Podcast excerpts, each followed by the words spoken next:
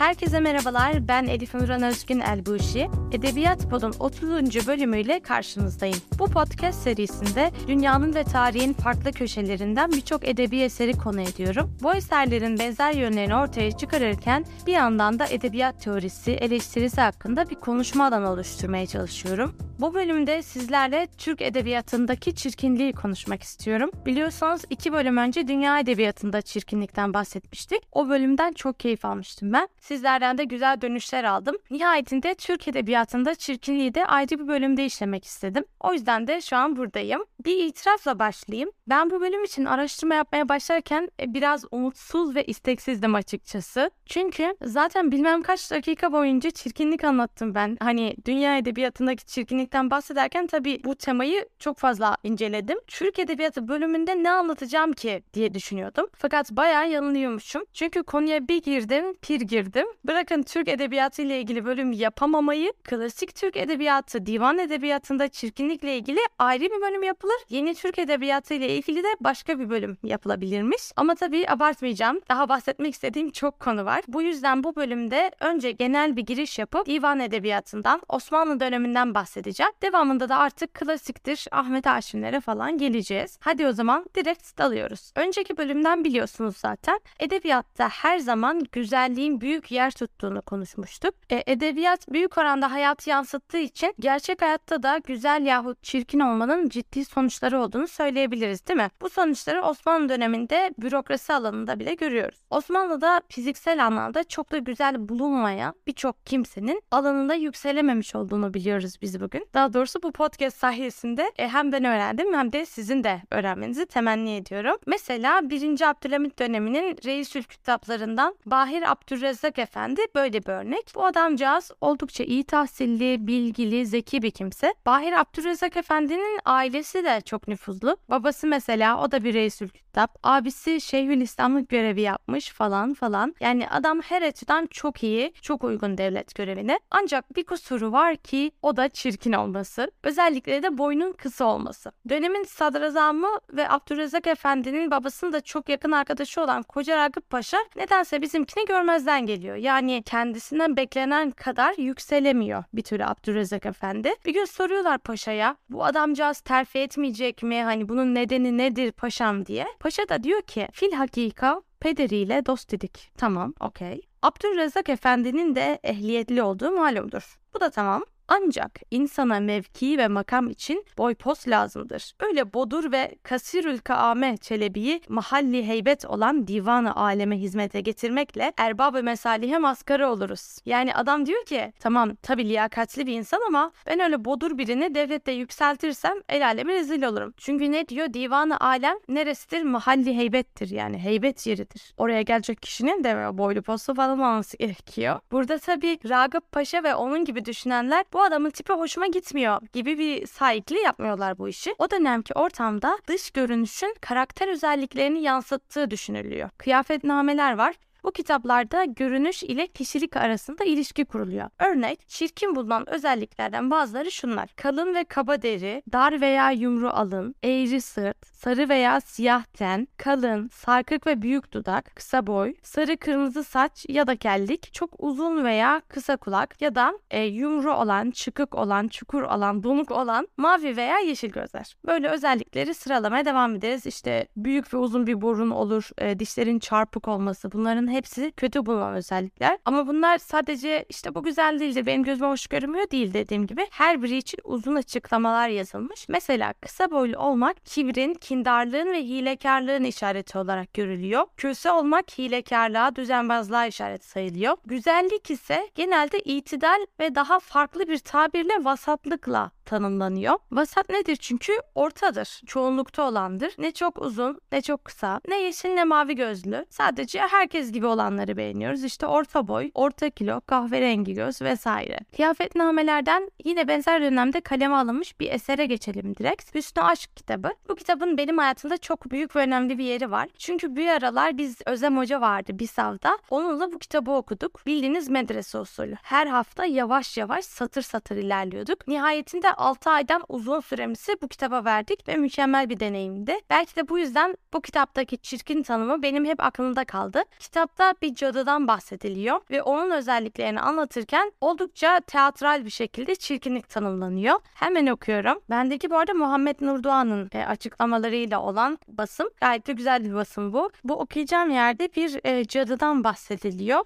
ve o cadı bir ateşin içerisinde belirmiş. Bu bir büyüydü ama alev şeklinde görünüyordu. İçinde bir koca karı oturmadaydı. Dev yüzlü ve korkunç görünümlü bir cadıydı. O cadı sanki cehennemde makam tutmuş bir şeytandı da dört bir yanı kor ateş, zift ve katrandı. Başı kara dağ gibi kocaman ve simsiyah, ağzı, dişleri eski ve yıkık kafir mezarları gibi. Burnu moda burnu ovası gibi. Kokarca yatağı ve kertenkele yuvasıydı. Alt dudağı pis kokulu bir fil leşinin hortumu gibi ta dizine kadar sarkmıştı. Çirkin renkli gözleri sanki iki kaplumbağa, kirpikleri ise aynen yengecin ayakları. İki memesi şekil olarak sanki bir iş için baş aşağı tuttuğu iki domuzdu. İki kara çıyanı almış kendine kaş yapmış, iki küme yılanı da saç edilmiş. İki kulağı kirpi yuvası ve sıçan yatağı olan bir tarla kovuğuydu sanki. Ağzından iğrenç sular akıyor. Lağım gibi kötü kokular geliyordu. Burnunda çıyanlar, fareler ve akrepler cirit atıyor. Ağzının içinde zehirli yılanlar ve kertenkeleler kaynıyordu. Dili tıpkı o cehennemin zebanisi gibi ateşle söyleşiyordu. Aman aman evet anlatımı görüyorsunuz. Yani çirkin dediğinde böyle olur dedirtiyor. Orijinalinde mesela şöyle bir ifade var çok hoş. Kaş yapmış iki kara çıyanı, zülf etmiş iki küme yılanı, tarla kovuğu iki kulağı, kirpi yuvası sıçan yatağı, ağzından akar kerih sular, kariz gibi kötü kokular, burnunda çıyan umuşu akrep, ağzında zehirli hayyevüdap çok hoş gerçekten. Meraklısı için de beyit numarası 1384. Yine çirkinlik anlatımlarından devam edelim. Çünkü bence çok keyifli okuması. Özellikle yani kaplumbağa hani kaplumbağa orada ne alaka değil mi? Domuzlar ne alaka? Mükemmel, mükemmel bir imajinasyon. E, Hüsrev ve Şirin'e geçelim. Orada güzellik gençlikle, çirkinlik ise yaşlılıkla ilişkilendiriliyor. Orada anlatılan yaşlı kadının yani ebenin özellikleri şöyle tarif ediliyor. Nigar'ın var idi bir pir ebesi ki virmiş de anasına dedesi. Yani Nigar'ın bir ebesi ninesi vardı. Onu dedesi Nigar'ın annesine bırakmıştı. Yüzü gözü egilmiş hem buruşmuş, biri birine sarmaşmış kırışmış. Yüzü gözü kaymıştı, cildi buruşup kırışmıştı. Bozulmuş ağzı, dendana dökülmüş, boşanmış bendi, azası sökülmüş. Ağzı bozulmuştu, dişleri dökülmüştü, azası uzuvları sökülmüştü. Bicikleri sogulmuş, çün kuru hik, teninde gerdeni san muyi varik. Memeleri çekilmiş, kuru bir hayvan derisine benziyordu. Boynu da ince bir kıl gibi kalmıştı. Yüzünde bir burun kalmış sövelür, avurtularına yel girmiş kovalur. Yüzünde sadece sivri bir burun kalmıştı. Avurtuları da rüzgardan dolayı şişmişti. Burada da 4156. beyit civarında bir yeri okudum size. İkisinde de görüyorsunuz bir yaşlı kadınlara yönelik çirkinlik ithamı var. Ve özellikle bu e, meme kısmı ve dişler kısmı iki şairin de çok ilgisini çekmiş. Devam edince de göreceksiniz hakikaten bu e, özelliklere çok fazla vurgu var bu şiirlerde.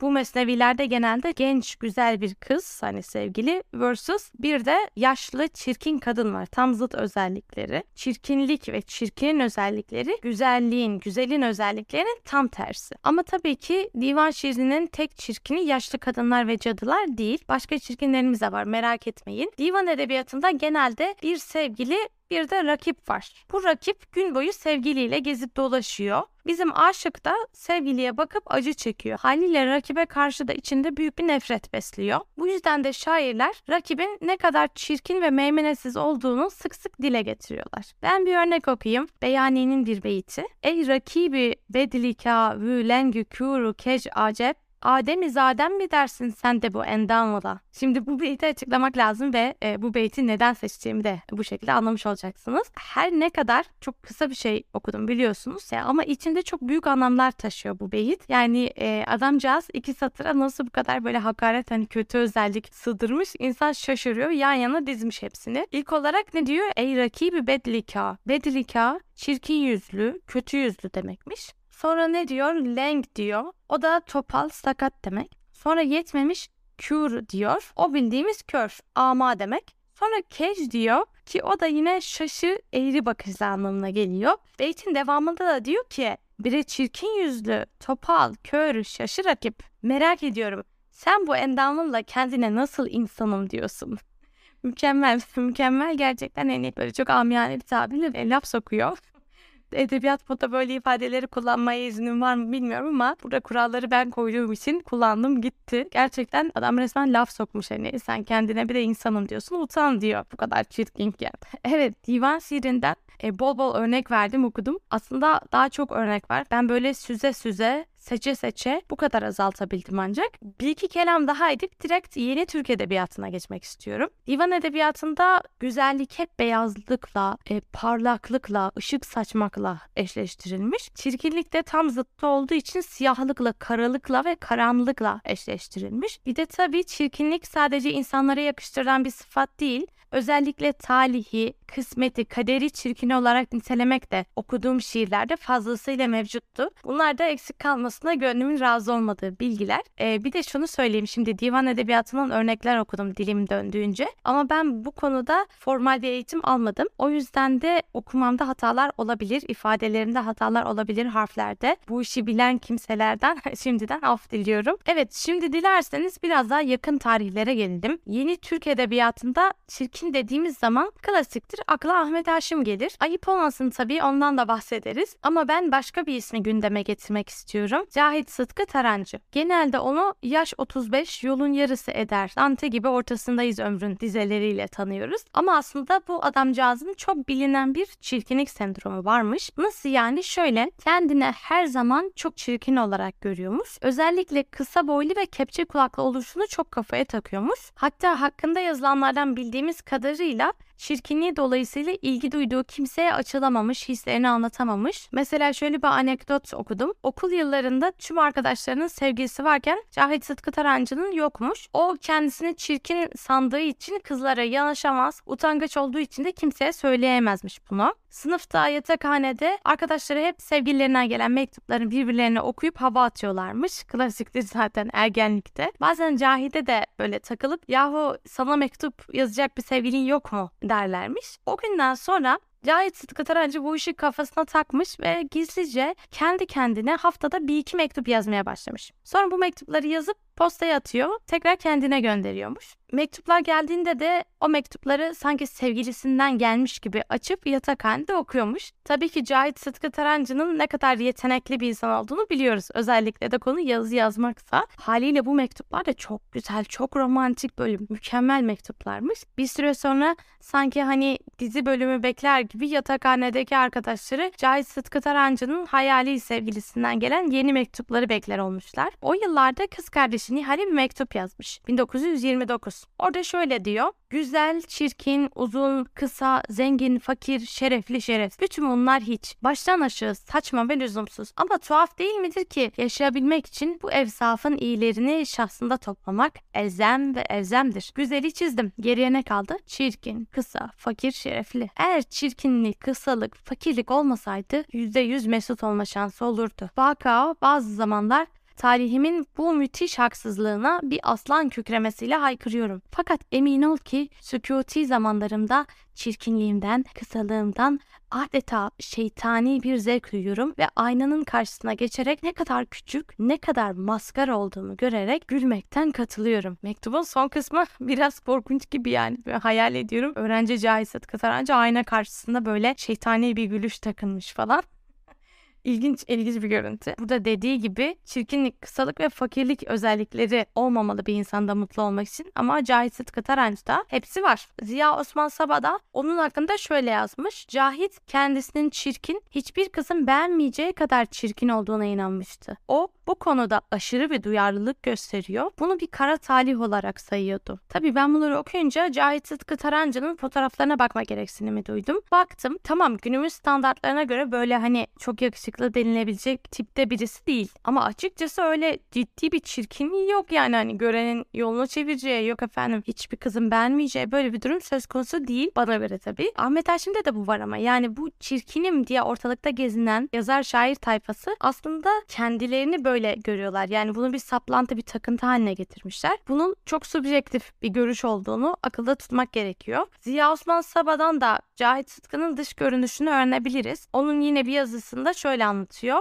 Esmer, arkaya taranmış siyaha çalan saçlı, ince dudaklı, üst dudağıyla ufak burnunun arası biraz fazla açık, kulakları kabarık, alnı darca, bütün güzelliği koyu kestane, moğolumsu, çekik gözlerinin biraz hüzünlü manasında toplanmış, ufak tefek, temiz giyimli, çoğumuzun aksine kravatlı bir gençti. Halinde, duruşunda bir azim okunuyor, tipi, sol yanındaki Diyarbakır çıbanının irice izi hiç değilse İstanbullu olmadığını söylüyordu. Bu arada Cahit Sıtkı Tarancı gerçekten de Diyarbakırlı, Diyarbakır'da doğmuş birisi.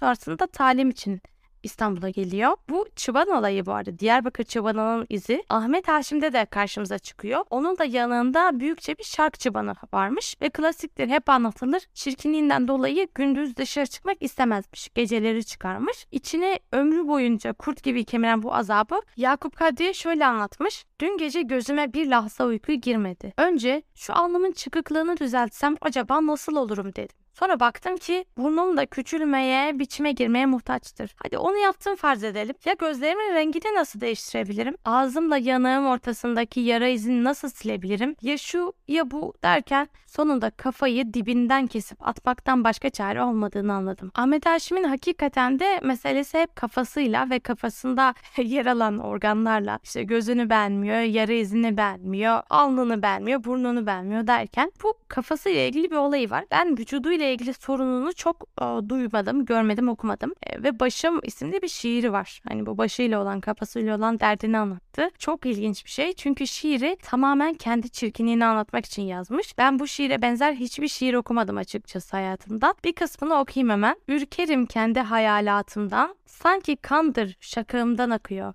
Bir kızıl çehrede ateş gözler bana güya ki içimden bakıyor. Bu cehennemde yetişmiş kafaya kanlı bir lokmadır ancak mihenim. Ah ya Rabbi nasıl birleşti bu çetin başla bu suçsuz bedenim. Sonraki kıtada da şöyle bir şey diyor onu da hemen okuyayım. Dişi tırnakları geçmiş tenime gövdem üstünde duran ifritin. Yani kafasını ifrite benzetiyor adam. Ahmet Erçin Voice'lardan beni e, etkiliyor. Bu kadar nefret etmesi kendi başından, e, kendi yüzünden çok ilginç. Çünkü zaten insan yüzüdür. Esasında yani insanların bizi gördüğü yer, konuştuğu yer hep yüzümüz değil mi? Yüzün önemini ve hayatiliğini anlatmaya gerek yok. Evet yavaştan bu bölümün sonlarına gelmem gerekiyor zaten. Yine uzattık. Bitirmeden önce de bu bölümün ismini hangi şiirden aldığımı söylemem lazım. Sana çirkin dediler, düşman oldum güzeli. Ben çok etkileyici buldum bu şiiri. Hatta e, hem dünya edebiyatında çirkinliğin hem Türk edebiyatında çirkinliğin kaydedilme sebebi bu dizedir. Faruk Nafiz Çamlıbel'in harika şiiri Firari'den aldım bu dizeyi. Bu dizeyi okur okumaz böyle vuruldum ve dedim ki ben hemen hemen hemen çirkinlikle ilgili bir podcast yapmalıyım. Sonra bu bir iki oldu. Faruk Nafiz Çamlıbel'in çirkinlik gibi bir derdi olmadığı için ismini almadık bu bölümde. Ama ben şiirini çok sevdiğim için bu bölümü bu şiirle bitirmek istiyorum. Firari ile bitirmek istiyorum. Bir dahaki bölüme kadar mutlulukla ve kitaplarla kalın. Beni sosyal medya üzerinden Elif Nozgun olarak bulabileceğinizi zaten biliyorsunuz. Her zaman görüşlerinizi, tavsiyelerinizi ve istek parça misali istek podcast bölümlerinizi bekliyorum. Görüşmek üzere. Kendinize çok çok iyi bakın. Evet tamam. Şiiri okuyup hemen bitiriyoruz. Firari. Sana çirkin dediler, düşmanı oldum güzelin. Sana kafir dediler, diş biledim hakka bile. Topladın saçtığı altınları yüzlerce elin, kahpelendin de garez bağladım ahlaka bile. Sana çirkin demedim ben, sana kafir demedim. Bence dinin gibi küfrün de mukaddesti senin. Yaşadın beş sene kalbimde, misafir demedim. Bu firar aklına nereden, ne zaman esti senin? Zülfünün yay gibi çelik tellerine Takılan gönlüm asırlarca peşinden gidecek. Sen bir avlu gibi dağdan dağa kaçsan da yine seni aşkım canavarlar gibi takip edecek. Faruk Nafiz Çamlıbel